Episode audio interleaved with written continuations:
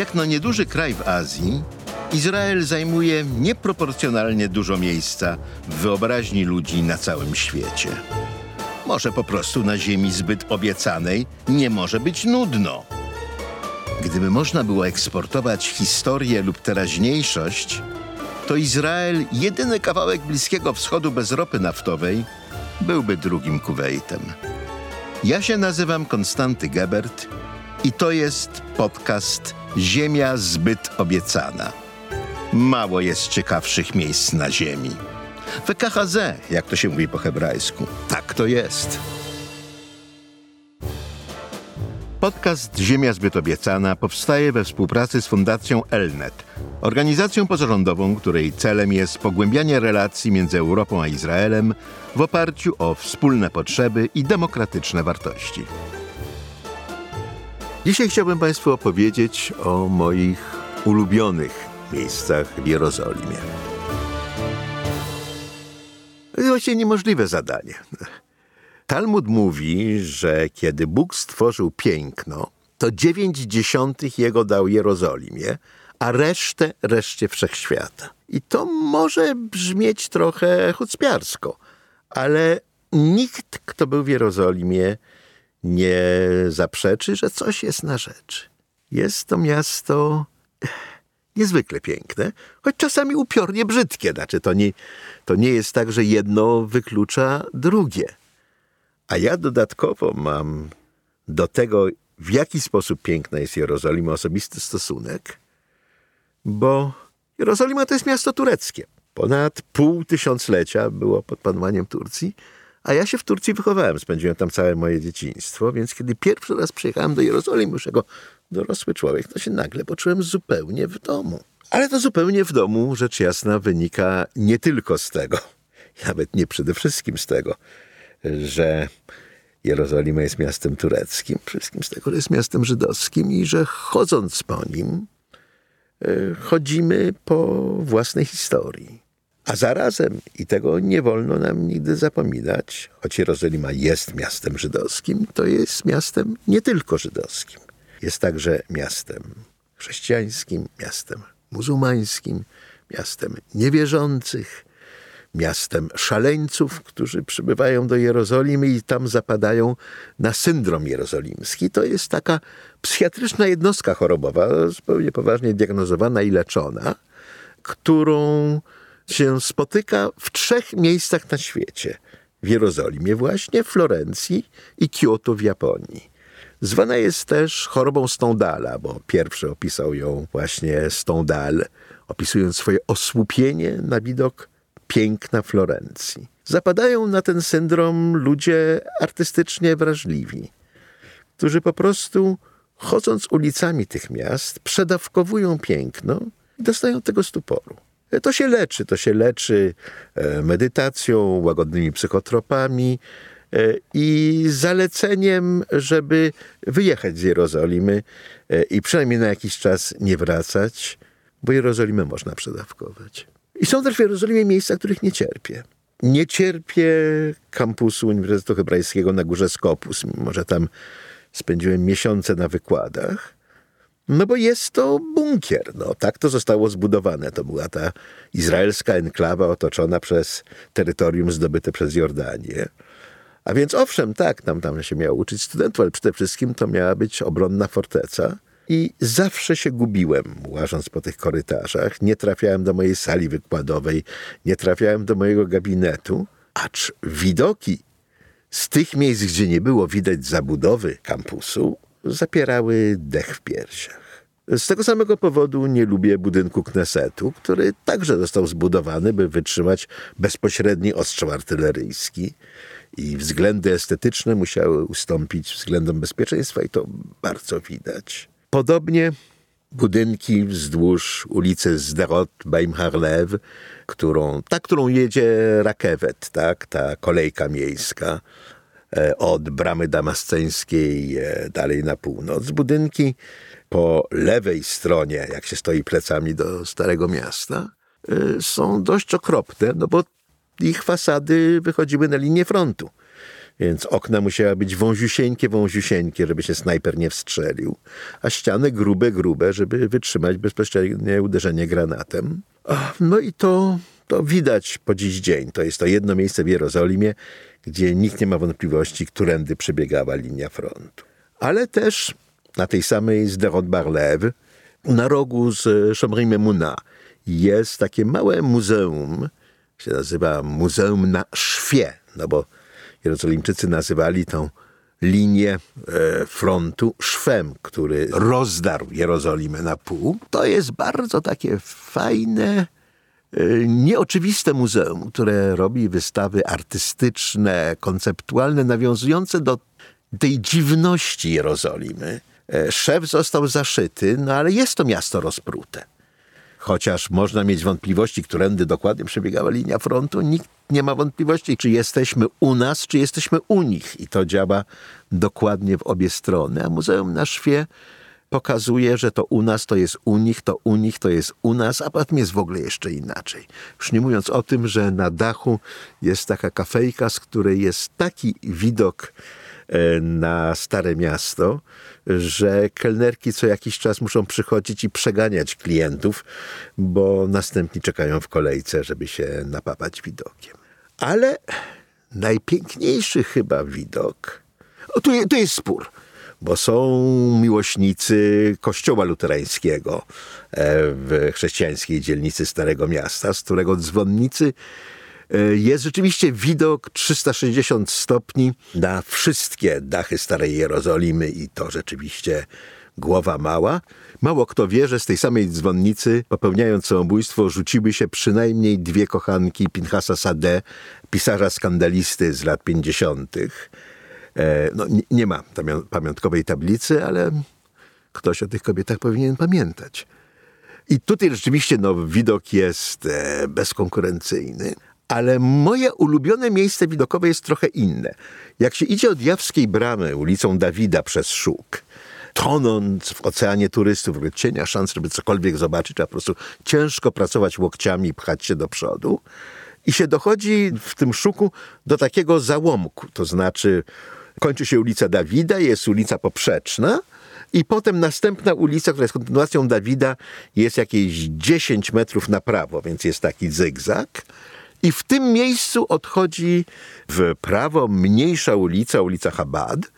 Jak się w nią wejdzie, to jakieś 20 metrów od ulicy Dawida na ścianie domu są schody. Takie przyklejone do ściany z domu dość obskurne e, metalowe schody, po których należy się wspiąć na dach i następnie no, przewędrować tym dachem jakieś 50 metrów dalej. I jest tam nad szukiem, e, cała zadaszona przestrzeń, gdzie można się wygodnie rozsiąść, no chyba, że jest to lato i wtedy wali z nieba to upiorne, bliskowschodnie słońce, którego nie cierpię. Ale jeżeli jest jakaś cywilizowana pogoda, to można się tam rozsiąść i ma się widok na trzy kopuły. Na wprost, odrobinkę tak w prawo, świeci złota kopuła Alaksa. To jest naprawdę jedna z najpiękniejszych kopuł na świecie jest kryta złotym liściem. To, jeśli o mnie chodzi, to jest tak blisko Alaksa, jak chce się znajdować.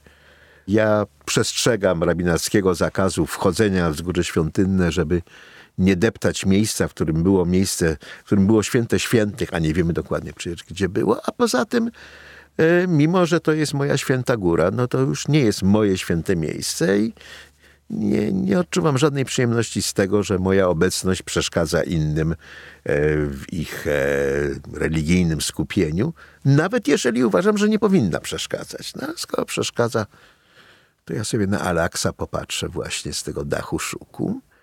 A potem, jak się spojrzy w lewo, to jest ogromna kopuła kościoła grobu pańskiego, a jak się spojrzy w prawo, to jest kopuła churwy – czyli największej synagogi na Starym Mieście.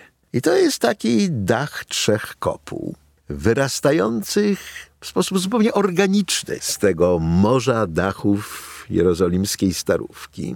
I jak już tak człowiek się nasiedzi i ponapawa tymi kopułami, to widać masę różnych innych rzeczy. widać balkoniki i galeryjki rozmaitych domów okolicznych z dzielnicy żydowskiej, w tym taka mała synaguszka, która jest e, tak troszeczkę w lewo, niemal na wprost. I jak ktoś jest podglądaczem, a ja jestem, i lubię po prostu patrzeć na ludzi, co oni robią, no to całe życie dzielnicy żydowskiej mamy tam jak na dłoni. Oprócz tego, no nie tylko ludzie lubią to miejsce, lubią je też koty. Ja, kiedy wykładałem na Uniwersytecie Hebrajskim, to mam wrażenie, że osobiście się zaprzyjaźniłem z jakąś jedną piątą kotów Starego Miasta. Znaczy, znaliśmy się osobiście. I te koty też na ten dach przychodzą się wygrzewać. No i czasem niestety przychodzą turyści. My oczywiście siedząc na tym dachu turystami nie jesteśmy, prawda? My jesteśmy u siebie, my jesteśmy Watikim, starzy weterani, którzy tutaj zęby na Jerozolimie zjedli i z pogardą patrzymy na te tłumy przeganiane przez przewodników wymachujących chorągiewkami, a my wiemy lepiej. Ale takich ulubionych miejsc jest więcej. Jest czymś zupełnie odlotowym, jak się siedzi w ogródku hospicjum austriackiego – pod portretem miłościwie nam panującego cysarza Franciszka Józefa zajada się sachertortę. Rzeczywiście w, we Widniu panie już takiego sachertortę nie dają. A u stóp się ścieli szlak e, drogi krzyżowej i arabska dzielnica, no i oczywiście też tabuny turystów a my sobie siedzimy podjadamy sacher tortę. No trochę tak, jakbyśmy byli Marsjanami, którzy prawda, wylądowali na Ziemi, na swojej, swojej eksterytorialnej bańce i oglądamy całą tą dziwność, która nas otacza.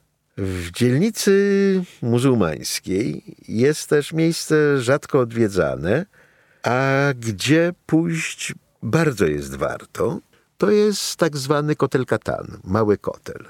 E, duży kotel to jest oczywiście zachodnia ściana, mur oporowy świątyni Salomona, przed którym jest ten ogromny plac. Ale do 1967 roku placu nie było, tam stały arabskie lepianki, które były niemal przyklejone do zachodniej ściany, a dalej w lewo, tam gdzie się zaczyna dzielnica muzułmańska, e, domy są przyklejone. I ta zachodnia ściana tam dalej nadal jest, tylko że nie widzimy jej. Ale jak tak wejść w szuk, to jest y, mały dziedziniec, do którego się wchodzi przez taki labirynt innych dziedzińców. Tam mało kto chodzi. No po pierwsze, mało kto, kto wygląda na Żyda, e, zagłębia się w podwórka e, arabskiego Starego Miasta. Zresztą o tym, co się może zdarzyć, przypomina pomnik upamiętniający amerykańskiego jeszywnika zasztylatowanego tam przez palestyńskiego nożownika w latach 80.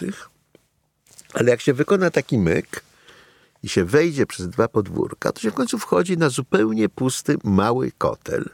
Niewielki placyk, którego mury z trzech stron tworzą mury arabskich domów, a czwarty mur, no to jest właśnie kotel. I tak samo można tam się pomodlić, a nawet lepiej. Modlitwa przy dużym kotelu to jest zawsze no, akt publiczny i właściwie polityczny, tak? E, ja zawsze mam takie wrażenie, że strasznie trudno jest się skupić na modlitwie przy dużym kotelu, bo wiem, że wszyscy inni też są, też się modlą, rozmaici turyści patrzą, no w ogóle to jest spektakl. W moim kotelu to się jest sam na sam z Panem Bokiem i to jest dużo lepsze towarzystwo. Nie będę oczywiście mówił o oczywistych miejscach Starego Miasta, o Alaksa, o Kościele Grobu, ale Kościele Grobu tak, bo wszyscy turyści oczywiście chodzą do Kościoła Grobu i bardzo słusznie, no bo takiego tłoku jak tam, to, to w autobusie na Marszałkowskiej o czwartej po południu nie ma. Ale obok kościoła, wejście przez e, koptyjski klasztor, jest studnia, której czerpała wodę cesarzowa Helena, matka cesarza bizantyjskiego Konstantyna Wielkiego, która przybyła do Jerozolimy e, szukać resztek prawdziwego krzyża. Prawdę powiedziawszy, z tych resztek prawdziwego krzyża po kościołach na całym świecie, to dałoby się solidną chałupę zbudować, a nie krzyż, ale cesarzowa Helena e, twierdziła, że znalazła krzyż prawdziwy, a wodę czerpała z tej studni właśnie przy, przy kościele grobu pańskiego. I po pierwsze, klasztor koptyjski jest czymś zupełnie obłędnym. Są te fantastyczne koptyjskie freski, które wyglądają, mają kolory komiksowe i mają też zasadniczo przesłanie komiksowe. No, to była literatura religijna dla niepiśmiennych. Obrazek po obrazku uczyli się świętych chrześcijańskich historii. Się przejdzie przez, przez ten klasztor, schodzi się, już nie pamiętam iloma, prawie chyba 100 stopniami w dół, w trzewia Jerozolimy, w ten niesamowity kamień, z którego wyrasta miasto.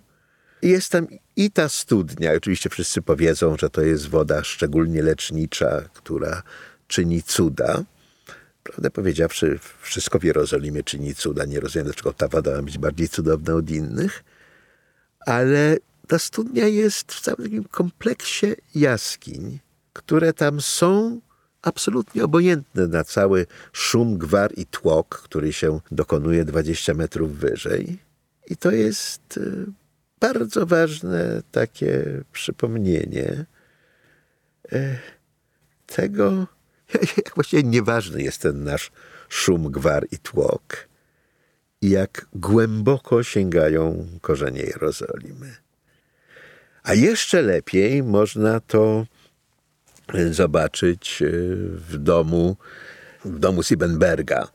To jest na skraju mm, dzielnicy żydowskiej, e, już e, no, prawie przy samych murach z drugiej strony jest sadzawka Siloam, dzisiaj arabska dzielnica Silwan. Ten dom niestety na ogół nie jest otwarty do zwiedzania, bo to jest dom prywatny. Kupił go w 70 roku, a raczej kupił miejsce, gdzie stoi bogaty amerykański Żyd e, Siebenberg i zbudował dom. Pamiętacie Państwo, że kiedy Jerozolima została zjednoczona, dzielnica żydowska była w absolutnej ruinie. Jordańczycy ją po wypędzeniu Żydów ją bardzo starannie zniszczyli, a synagogę Hurwa wysadzili w powietrze. I bardzo długo zamiast synagogi, w miejscu, gdzie teraz ona stoi, stał łuk. Łuk który był jak gdyby wycinkiem kopuły dawnej synagogi i robił zapierające dech wrażenie. To był taki graficzny znak nieobecności, wskaźnik tego, co zostało nam odebrane. I tak jak uwielbiam patrzeć na synagogę Hurwa e, z tego dachu trzech kopuł, tak sama synagoga nie robi na mnie wrażenia, jest e, ostentacyjna, pełna przepychu. Pamiętam ten skromny łuk i powietrze pod nim – jak się dobrze modliła pod tym łukiem. A w domu Siebenberga Siebenberg odbudował ten dom, kiedy, kiedy kupił działkę. Podczas prac budowlanych natrafił oczywiście, jak to w Jerozolimie, na starożytności. E, starożytności z epoki późnorzymskiej, potem na warstwę węgla. To jest warstwa spalonej Jerozolimy z 70 roku. A pod spodem z epoki wczesnorzymskiej i machabejskiej, potem przestał kopać, co chyba rozsądne, ale cały dom zbudował wokół tego stanowiska i w internecie dostępny jest numer telefonu, czyli nie pamiętam, gdzie trzeba dzwonić, żeby spróbować umówić wizytę. Dom na ogół nie jest otwarty do zwiedzania, ale czasami w jakiś tajemniczy sposób jest. No albo trzeba znać kogoś, kto miał miluim z kimś, kto zna kogoś z domu Siebenberga. Tak czy inaczej, jeżeli byście Państwo mieli to szczęście, żeby, żeby odwiedzić dom, bardzo polecam. A stoi on, tak jak mówię, już przy samych murach na ulicy Domu Czerpania Wody. Tak, tak, tak się ta ulica nazywa, bo w Jerozolimie w Szawłot oprócz e, święta plonów było też święto wody. I tam stał ten dom, z którego tą wodę czerpano. No, jak się mówi, z, z drugiej strony murów już jest sadzawka Silwan, prawda, Shiloa. I to było jedno z głównych źródeł wody. I po dziś dzień e, w żydowskiej dzielnicy Jerozolimy, zwłaszcza w okolicznych e, synagogach hasyckich, to święto wody jest obchodzone w sposób e, bardzo żywiołowy, burzliwy, ale sam dom wystarczy za, za całe święto. Jak się wychodzi ze starówki, No są, są te cztery główne bramy. Wszyscy oczywiście chodzą bramą jawską, gdzie jest jedyna przerwa w murach. Ja nie wiem, czy Państwo wiecie, komu ją zawdzięczamy. Otóż jak e, kaiser niemiecki Wilhelm II na początku wieku raczył zaszczycić Jerozolimę wizytą, okazało się, że najszersza brama Starego Miasta, właśnie Jawska, jest za wąska, żeby zmieściła się kareta królewska. No to co zrobiono? Rozebrano mury, żeby kaiser mógł przejechać. No i tak już zostało, tak? Więc oczywiście prawie wszyscy, czy wszyscy wchodzą przez Jawską Bramę. Są ci, którzy wchodzą przez Damasceńską, która niewątpliwie jest najpiękniejsza, najbardziej spektakularna. Jak ktoś wygląda po żydowsku, to czasem warto, jak się wchodzi Damasceńską, zwracać uwagę na to, co się dzieje, bo tam czasem Żydów biją. Ale najmniej chyba uczęszczana jest Lwia Brama, vis-a-vis e, Jawskiej, e, z widokiem na Górę Oliwną. I tam jest początek drogi krzyżowej i są tam zupełnie niesamowite chrześcijańskie świątynie. Ale jak się idzie od Damasceńskiej wzdłuż murów, jak ktoś nie chce wchodzić Damasceńską, choćby dlatego, że pamięta o Lwiej, e, to po prawej stronie pod murami jest grota Cedekiasza. To jest nienaturalna grota, to jest y, kamieniołom. Tam wydobywano kamienie do budowy Jerozolimy jeszcze za czasów króla Dawida i Salomona. A nosi ona nazwę króla Cedekiasza, bo kiedy Asyryjczycy zdobywali Jerozolimę, tam król Cedekiasz biedny się schronił, niewiele mu to pomogło, wywlekli go i najpierw zabili jego synów na jego oczach, a potem i jego. I woda, która stale kapie z dachu tej, tej groty, zwana jest łzami Cedekiasza. I to jest podobnie jak w y, studni Cezarzowej Heleny. Takie miejsce, w którym nagle rozumiemy, jakim niesamowitym wysiłkiem kamienia jest dźwiganie całej tej Jerozolimy na plecach. To jest dobre miejsce, żeby się schronić zarówno przed upałem, jak i przed zgiełkiem, jak i przed taką, no, e, biegunką myśli, jaką się czasem ma w Jerozolimie, gdzie dzieje się tyle i tak szybko, i tak różnorodnie, a tam u króla Cedekiasza jest spokojnie. Można pomyśleć, a nawet się pomodlić, jak to lubi. A potem dalej do bramy lwów, a przy bramie lwów po lewej stronie jest taki kompletnie zapomniany, się zaniedbany pomniczek e, z napisami arabskimi. To jest jordański pomnik e, pamięci jordańskich żołnierzy, którzy zginęli podczas walk o Jerozolimę. I ja tam czasem kładę, kładę kamyk, bo chociaż to byli przeciwnicy, to znakomicie rozumiem, co nimi powodowało, kiedy woleli zginąć niż oddać Jerozolimę. To nie jest bardzo wzniosłe uczucie, takie poczucie, że to moje, tu moje korzenie nie dam, ale no, rozpoznaję je czasem w sobie. Nie, nie lubię go, bo to prowadzi do dość paskudnych rzeczy, ale jak rozpoznaję je w sobie, to nie mogę odmówić innym prawa do tego samego uczucia. I dlatego kładę tam kamek pamięci tych żołnierzy.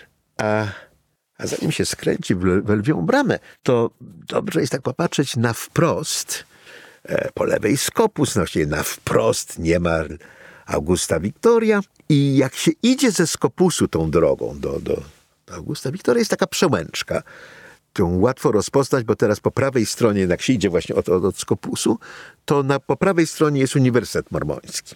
I na tą przełęczkę warto zawędrować tak w połowie kwietnia, pierwszej połowie kwietnia, kiedy w Jerozolimie wybucha ta obłąkana wiosna. Ta wiosna po prostu pojawia się jak za przekręceniem wyłącznika, tak?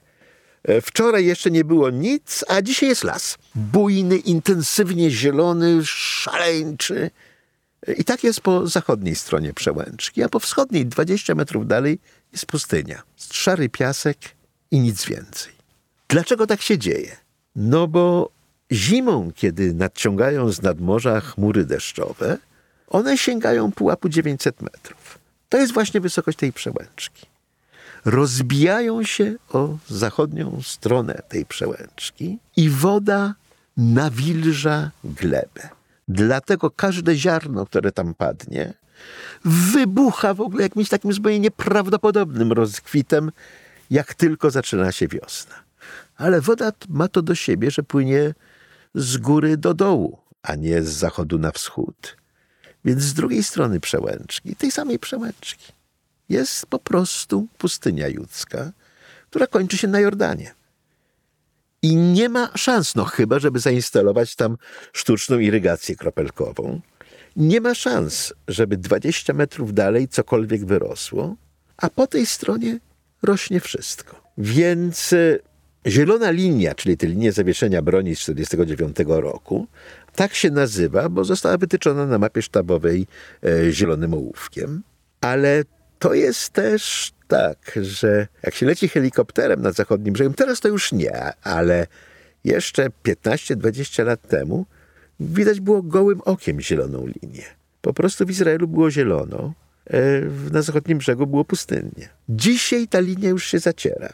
Jakby komuś przyszedł do głowy taki szaleńczy pomysł, żeby e, na tej przełęczce zainstalować nawadnianie kropelkowe, tak, no to dałoby się sztucznie stworzyć tą bujną zieleń też i na pustyni. Tak jak się udało w innych miejscach. A jak się tego nie zainstaluje, to będzie tak jak jest. I to jest też dobre przypomnienie, że na Bliskim Wschodzie nie ma półcieni, nie ma niuansów. Jest albo albo.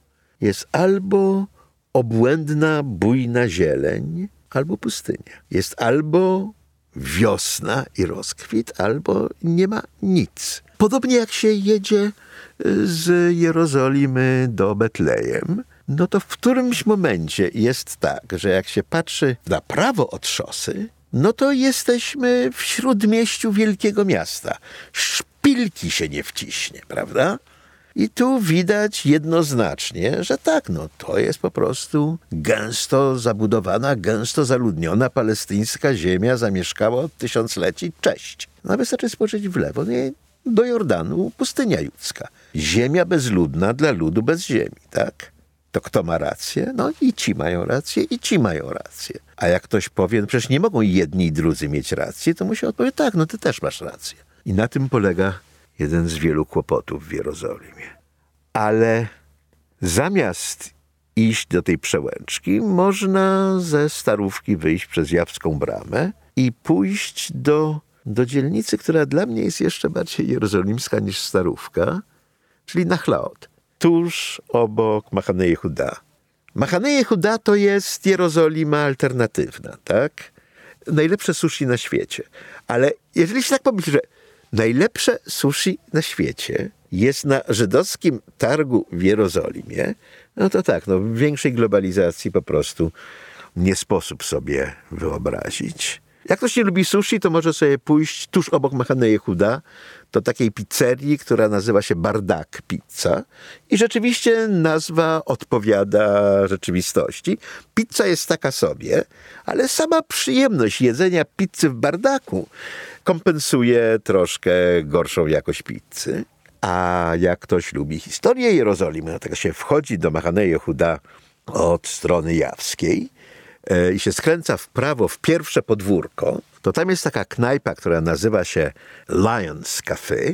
I to jest najstarsza knajpa w Machaneje Huda. Ona tam jeszcze jest z lat 20, ma 100 lat. I ona słynęła z tego, że tam jerozolimskie dziewczyny podrywały brytyjskich oficerów po to, żeby od nich wyłudzić brytyjskie tajemnice wojskowe. Jak już wycisnęły z nich wszystko, co się dało, E, no, rzucały ich jak wyciśniętą cytrynę i szły podrywać następnych. To, co zawsze dla mnie było najbardziej niesamowite, to jest to, że wszyscy wiedzieli. I ci brytyjscy oficerowie wiedzieli, dlaczego te dziewczyny ich podrywają. I te dziewczyny wiedziały, dlaczego podrywają tych oficerów. I jakoś to zupełnie nikomu nic nie przeszkadzało.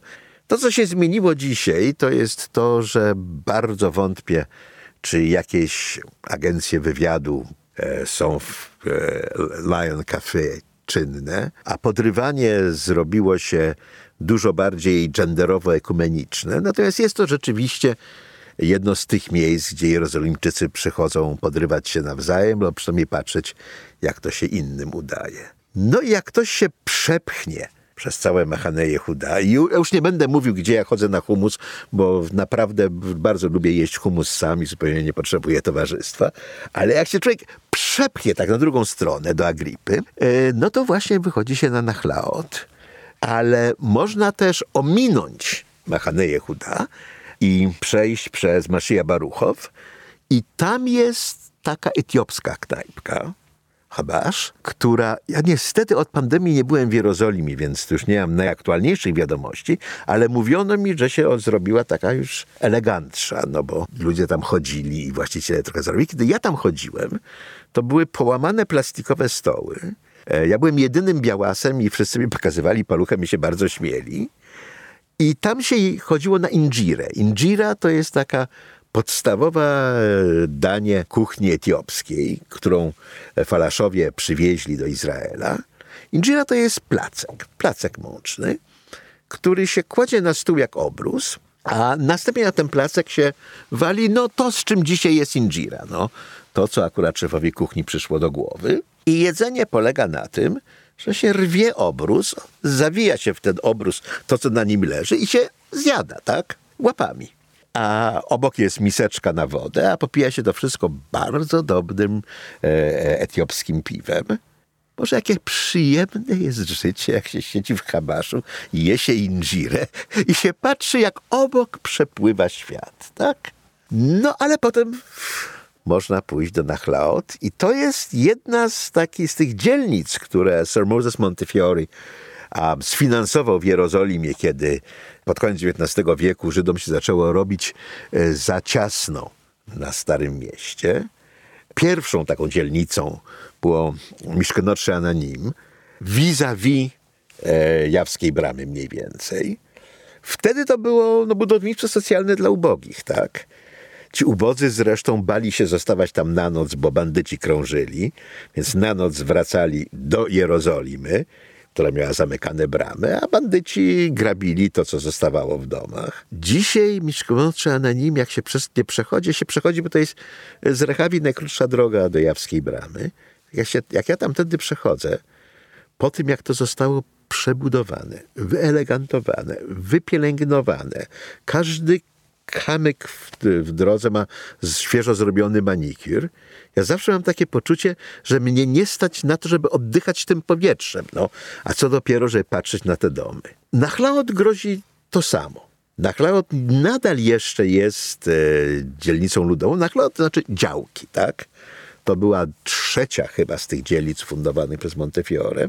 I bardzo długo to było takie slamowisko, no. E, slamowisko, gdzie swoje dzielnice i swoje synagogi stawiały rozmaite społeczności przybywające do Jerozolimy, a wszystkie cieszące się z dobroczynności Sir Mosesa Montefiore, dlatego też część Nachlaot nazywa się Ochel Moshe, namiot Mojżesza, Mojżesza Montefiore mianowicie to, co jest najbardziej niesamowite, znaczy, wszystko jest najbardziej niesamowite w Nachlaot, ale jedna z tych rzeczy, które są najbardziej niesamowite, to, to prawda, nie jest tak, że w Nachlaot nadal mamy 300 synagog, a tyle było na początku wieku. Pamiętacie Państwo, Nachlaot to nie jest duże miasto, to jest e, maleńki kwartał domów wciśnięty między Agripę, Becalel e, i dwie, już wspomniałem, te dwie pozostałe uliczki. Dzisiaj mamy tych synagóg e, no, dużych kilkanaście, a po mieszkaniach są jeszcze sztible, gdzie się ludzie modlą tak jak należy, bo nikt inny modlić się nie potrafi. No dlatego jest 300 synagóg, tak? Bo było przynajmniej 300 różnych minhagów na temat tego, jak się modlić należy. I jeżeli chcecie Państwo zobaczyć judaizm w miniaturze, no to tak, to do Nachlaot. Tam jest y, na przykład y, taki dziedziniec litwacki. To jest dziedziniec Brody, od nazwiska braci Brody, którzy go ufundowali. I tam się studiuje pisma gra Gaona Wileńskiego. Są dwie bliźniacze synagogi, bo braci Brody było dwóch i mieli też między sobą pewne spory na temat tego, jaki jest właściwy porządek modlitw, więc w jednej się modli według Minhagu tego brata, a w drugiej się modli Minhagu drugiego brata, a ci, którzy mieszkają w mieszkaniach socjalnych, to naprawdę maleńkie klitki, tam jest biednie. Przy wynajmowaniu mieszkań muszą podpisać zobowiązania nie tylko, że będą się modlić trzy razy dziennie, inaczej po prostu nie, nie mają tam czego szukać, ale że będą się modlić w, tylko w tej synagodze, no, żeby nie dawać podstaw do, do, do sądzenia, że ktoś uważa, że można się modlić inaczej niż uczył ten brat Brody, tak? A z drugiej strony e, jest e, dzielnica hasycka, zbudowana przez bogatego hasyda z Galicji i chyba szamesi obu synagog, tej podwójnej litwackiej, pojedynczej hasyckiej, musieli ze sobą dokładnie ustalić, jak to robimy, żeby sobie jak tylko można nawzajem wchodzić na odciski, ponieważ harmonogram modlitw jest taki, żeby nic się nie zgadzało. A to wszystko jest maleńki kawałek ziemi. E, wszystko słychać. Nie ma możliwości żeby no, nawet w szabat, żeby Lachado Di zaśpiewać w, w, tych wszystkich trzech synagogach w tym samym czasie. Jak ktoś siedzi na dziedzińcu pomiędzy nimi, no to ma wrzask, harmider, e, balagan i może jest rzeczywiście tak, że Bóg tak lubi, tak? Że Bóg lubi różnorodność. Jakby nie lubił różnorodności, to by nas wszystkich ulepił z jednego serka homogenizowanego i byłby spokój, tak? Wszyscy byliby tacy sami.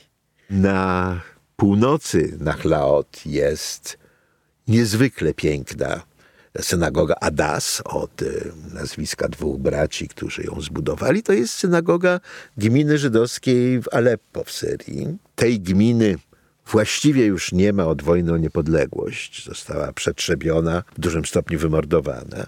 Ostatni Żydzi zostali wykupieni po wojnie Jom Kippur. Synagogi zostały zniszczone podczas obecnej syryjskiej wojny domowej a tam ma Aaron Hakodesz przywieziony z Aleppa ponad 100 lat temu y, z takimi arabskimi intarsjami, że w głowie się kręci, jak się człowiek wpatruje, bo to są, to jest tak jak przestrzenie Mandelbrota w, w matematyce, tak?